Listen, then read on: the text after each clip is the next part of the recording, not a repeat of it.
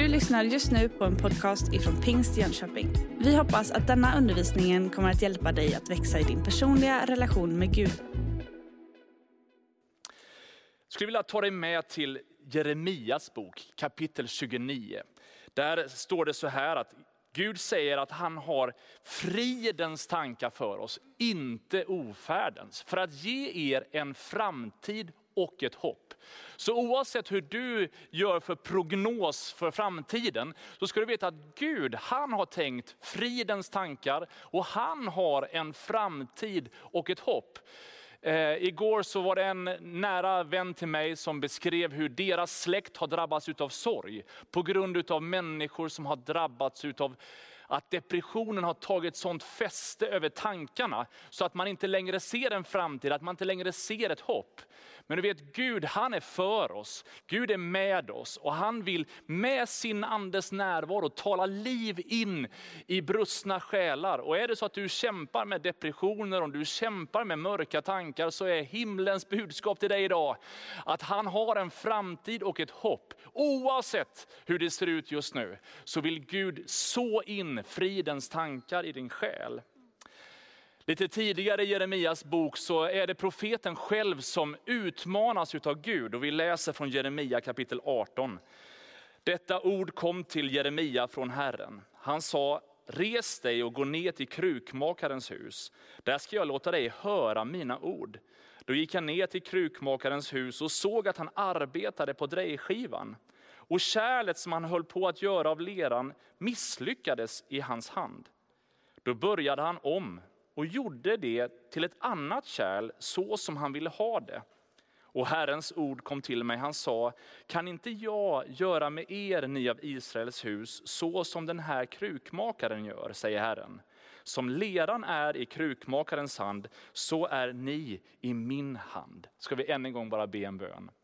Herre, jag tackar dig för ditt löfte om att ditt ord alltid är levande och verksamt. Och nu ber jag dig för var och en av oss som är med och firar den här gudstjänsten. Möt oss med ditt ord, gör ditt verk i våran själ. Herre, tack för att vi får överlämna vår dag i dina allsmäktiga händer. I Jesu namn. Amen. Hela den här bibeltexten handlar om att ett ord kom till Jeremia. Gud skulle vilja tala in ett ord i hans liv. Och just det där att Guds ordet kommer till Jeremia, det finns också en sån vila i Guds initiativet. Det handlar än en gång inte all, liksom, om att vi ska treva oss fram och vi ska på något sätt prestera, utan Gud vill komma till oss. Han sände sitt ord till oss. Han vill tala till oss. Om du ibland så tänker bara, vart är Gud någonstans och hur hör jag honom tala? Så skulle jag vilja inbjuda dig till att någonstans bara liksom knäppa dina händer och be till honom och låt honom få tala. Han är inte långt bort från någon enda av oss, utan är mycket närmare oss än vad vi kan tro. Och så står det att liksom Gud säger till Jeremia, gå ner till krukmakarens hus. Och jag menar, I din och min värld så kanske det är en exotisk upplevelse att någonstans lämna sitt hem och gå ner och se någon stå och dreja och fixa där på drejskivan. Men i Jeremias liv så var ju det en total vardagsupplevelse. Det fanns många sådana i den där dalgången. Det fanns många som höll på med det där hantverket. Det var inget exklusivt, inget unikt, inget speciellt, utan det var sådär mitt i veckan upplevelse. Och jag tror att vi alldeles för många gånger sätter en förtröstan bara till Gud och söndagar eller bara till det som är en gudstjänst i en kyrka eller det som är på något sätt tillsammans med andra. Men Gud han är så mån om också alla andra dagar. Jag är tacksam för att Gud talar på, liksom, genom gudstjänster på söndagar. Men låt dig inte begränsas av att någonstans Gud bara skulle vara i det där ögonblicket. I den där vardagshändelsen så kan Gud förvandla ICA-kön till en uppenbarelseplats. Där du minst anar det kan Gud börja tala, visa dig saker för att någonstans uppenbara mer om sig själv. Faktum är att Jesus säger till den samariska kvinnan, han säger så här att det kommer en tid, ja den är redan här, då det varken är på detta berg eller i Jerusalem som ni ska tillbe Fadern. Men den tid kommer, ja den är redan här, då sanna tillbedjare ska tillbe Fadern i ande och sanning. Det är som om Jesus vill på något sätt poängtera för den här kvinnan att du, du behöver inte bara begränsa Gud till en viss byggnad, en viss plats vid en viss tid. Gud är större än så. Och jag tycker det är så skönt i den här pandemin att påminna sig om det. Att även när väldigt mycket av det som vi är vana vid och det vi längtar tillbaka till inte just nu är möjligt, så är Gud inte begränsad. Han sitter inte i karantän, han är inte socialt distanserad. Utan överallt när vi liksom kliver fram och säger bara, Gud här är jag, jag vill ärligt lära känna dig, så är hans löfte att vara där. Vilken vardagssituation som helst. Och Det är som att Gud försöker ta Jeremia till den där krukmakarens hus och få se det, så att han verkligen fattar att Gud säger någonting som han ska komma ihåg. Och att de där synintrycken och de där vardagssituationerna, det där som på något sätt kan vara som bara vilken dag som helst, vill ändå Gud göra det tydligt för oss att han alltid är med. Så den här söndagen, oavsett om du står i, stryk, i strykbrädan eller om du sitter i soffan och slumrar lite halvt, eller om du tar en promenad i skogen eller vart du än befinner dig, så kan Gud få uppenbara sitt ord till oss. Han kan få visa för dig någonting fantastiskt den här dagen. Och sen fortsätter den här bibeltexten och tar oss med till den där drejskivan. Och så talar han om att som leran är i krukmakarens händer, så är ni i mina händer. Vilken enorm trygghet att få vara i mästarens händer. Du vet tryggheten, vilan, hoppet, det ligger i att förstå vilka armar som bär mig. När eh, mina barn skulle lära sig cykla så var de livrädda någonstans att man skulle släppa taget om den där lilla pinnen som höll deras cykel i balans.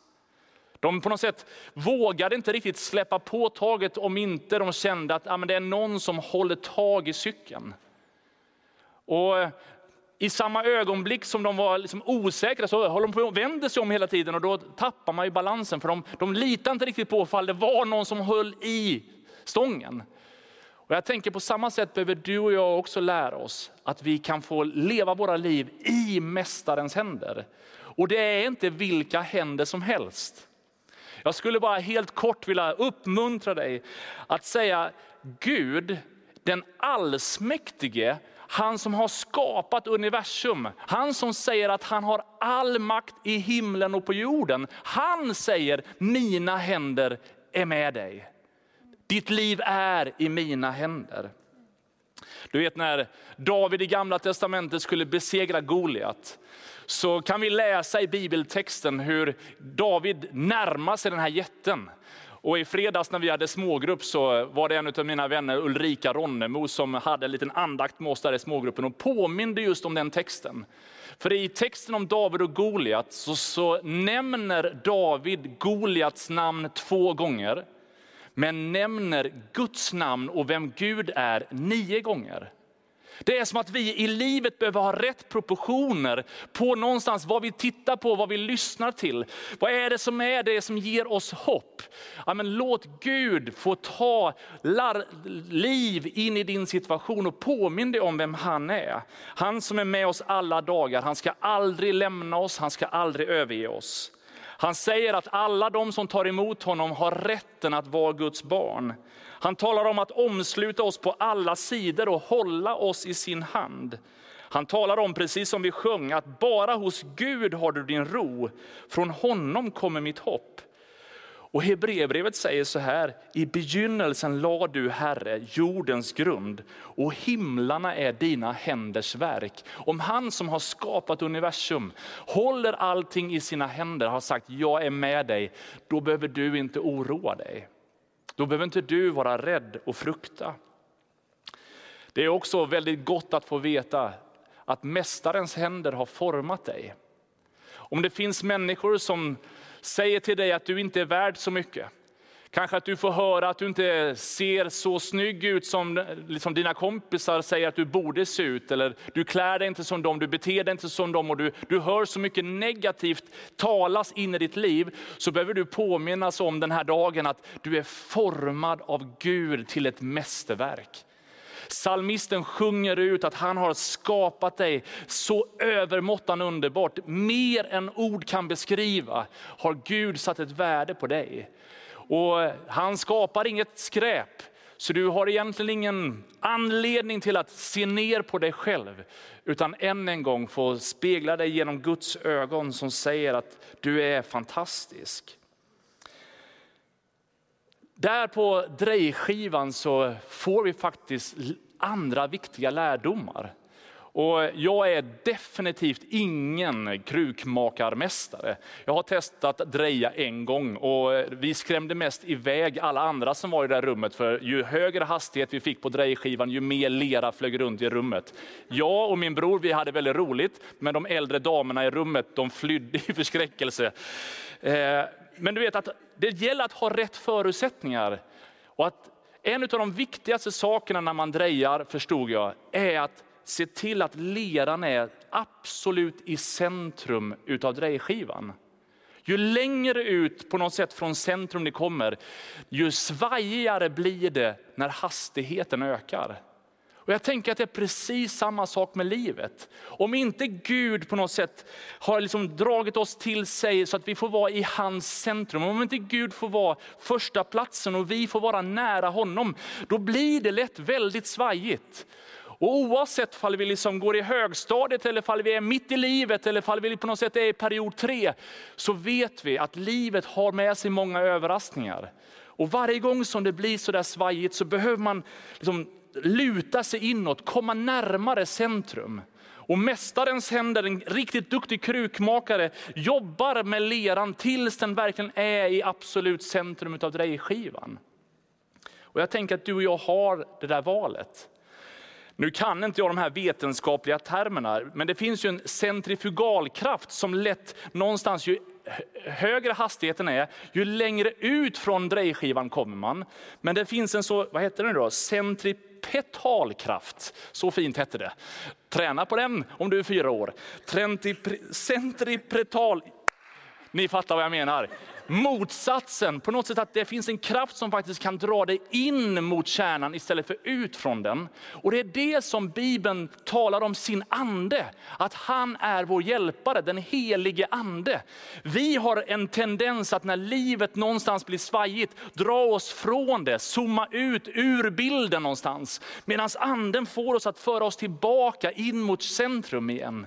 Jag märker att lovsång och tillbedjan, det är inte bara för att det är kul att sjunga, utan den har en funktion att dra mig in mot centrum. Påminna mig om vem Gud är. Det är därför som Jesus säger till den samariska kvinnan att tillbe Gud överallt i ande och sanning, för det för dig till Fadern. Ibland så gör vi sång och musik eller till liksom olika kulturformer som vi tycker om istället för att någonstans använda det som en drivkraft att söka oss mot centrum. Oavsett om du är totalt tondöv eller inte, så kan du med ditt hjärtas tillbedjan faktiskt uppleva hur det som just nu är svajigt för dig till mitten av drejskivan, tryckt i mästarens händer. Hastigheten är fortfarande densamma på skivan.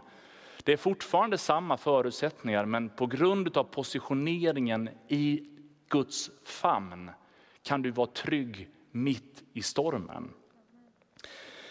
Jag har också lärt mig av småbarnslivet att en lera, om du har någon gång lekt med trolldeg med dina barn så vet du att lera som har blivit torr är ju omöjlig att göra någonting med.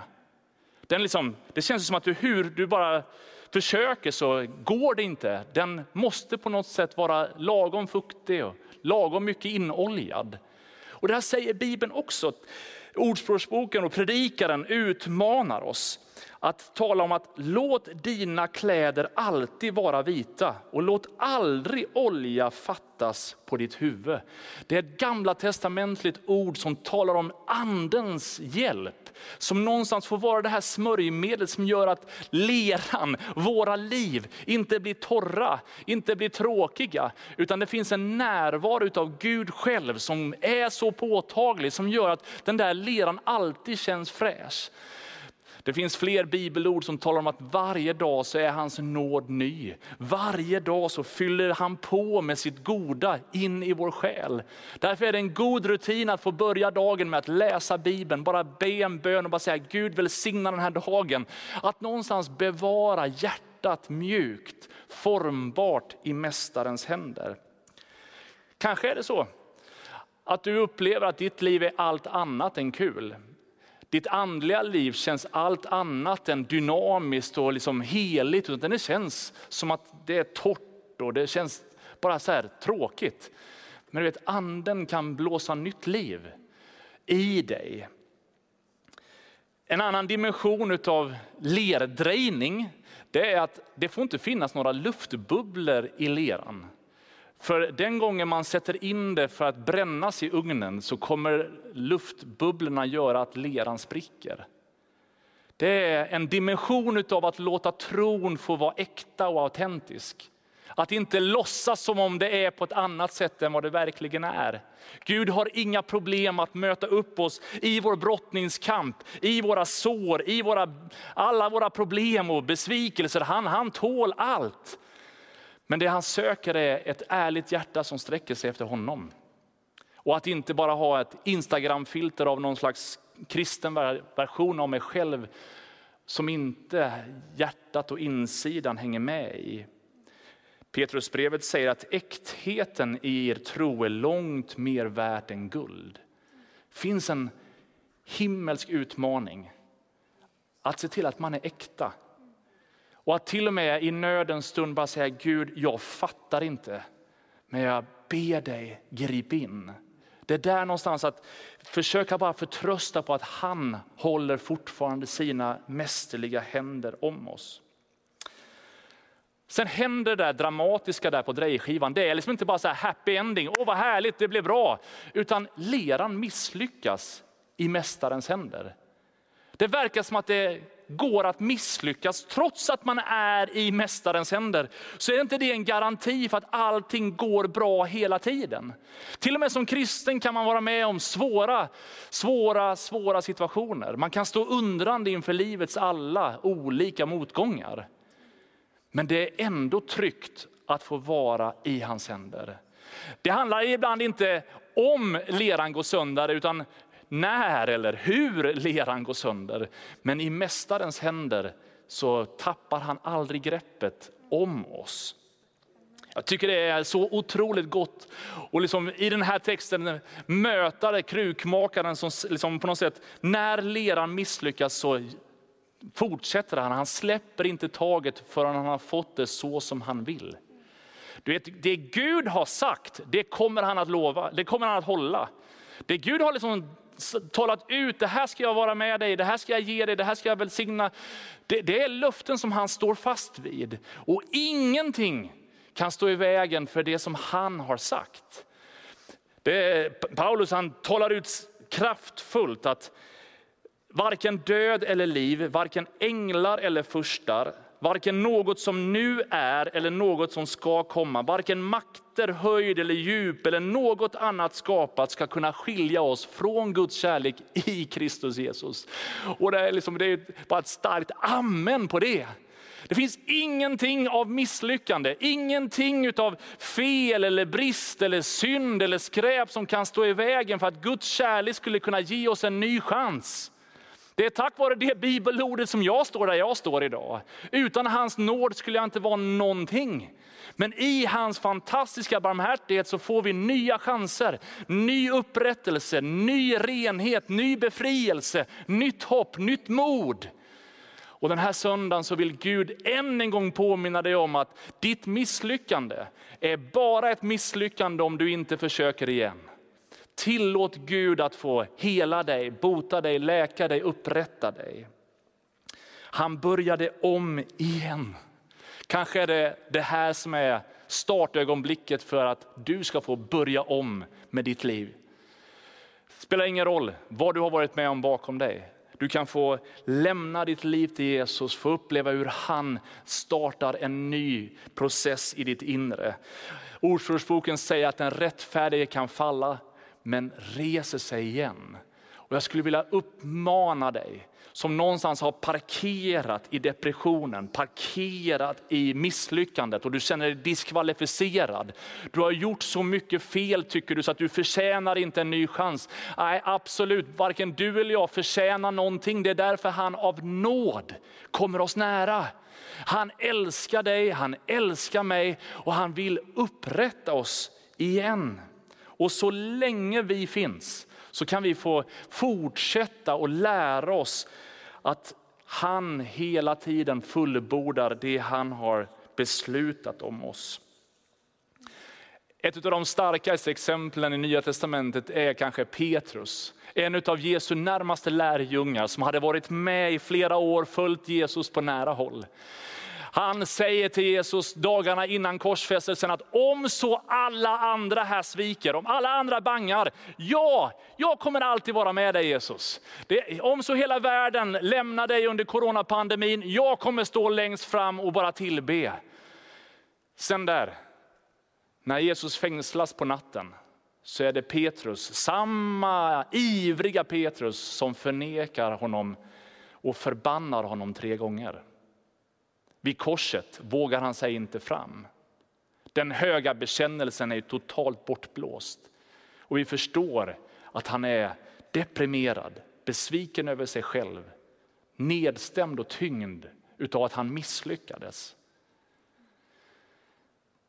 Några dagar senare då har han mött den uppståndne Jesus. Han har blivit fylld av anden och då är han, kliver han fram och började tala tro till hela Jerusalem om vem Jesus är. Han gick från besvikelse och nederlag till att få bli en av dem som fick leda över 3000 människor till tro på pingstdagen. Det finns en andlig påfyllning som kan lyfta dig upp igen. Som kan ge dig ny kraft och överraska dig med sina mirakler och sin närvaro. Och i det där mötet så vill han säga till dig och mig att han vill inte bara ge hopp in i våra liv, utan han vill att du och jag ska få vara ett hopp för andra människor. Bibeln säger så här, lovad vare Herre Jesu Kristi Gud och Far, som efter sin stora barmhärtighet har genom Jesu Kristi uppståndelse från de döda fött oss på nytt till ett levande hopp. Den där drej Klumpen, lerklumpen på drejskivan som misslyckas lyfts upp igen. Gud gör det han har tänkt med kärlet, låter det få bli precis så som han vill. Och som alla andra kärl som Gud har så vill han fylla dem med sin närvaro för att det ska få vara i funktion. Gud gör inga prydnadsfigurer som han sätter på en hylla. Det är alltid ett användbart kärl. Och på samma sätt så vill Gud fylla på i ditt och mitt liv så att du och jag ska kunna få vara med och ge hopp till andra. Vi är i konstiga tider, ett formulering som vi har sagt så att man nästan är trött på det. I den här tiden, men alla andra dagar likväl, så vill Gud använda bräckliga kärl som har misslyckats många gånger men som är hela tiden omfamnade av hans nåd för att skapa förtröstan och hopp till andra människor. Och jag skulle bara vilja utmana dig att någonstans låta den tro som har dragit dig till den här gudstjänsten och kanske till att bekänna din tro, att det skulle få vara inte bara för din egen skull, utan för din arbetsplats skull, för din familjs skull, för din släkts skull, för grannars skull. Att du skulle få vara med och ge det levande hoppet vidare till andra. Om en liten stund så kommer du få chansen att få respondera på den här predikan. Och den här söndagen så har jag känt att det finns några olika paletter som Gud på något sätt trycker på. Och jag skulle vilja ge dig chansen att alldeles strax få gensvara. Och du kan redan nu genom online-världarna ta kontakt för personlig förbön. Men alldeles strax kan du också få räcka din hand. Om du den här dagen vill ta emot Jesus i ditt liv. Om du vill säga Jesus, det är alldeles för svajigt i mitt liv. Det gungar alldeles för mycket. Det är som om den här centrifugalkraften har gjort att det känns som att allt skakar runt. Så inbjuds du till att låta Jesus få bli Herre centrum utav ditt liv. Och när du bekänner din tro till honom, sätter ditt hopp till honom, så kommer friden och ron. Inte alla omständigheter alltid på en gång, men att Gud skulle få ge dig allt det där goda.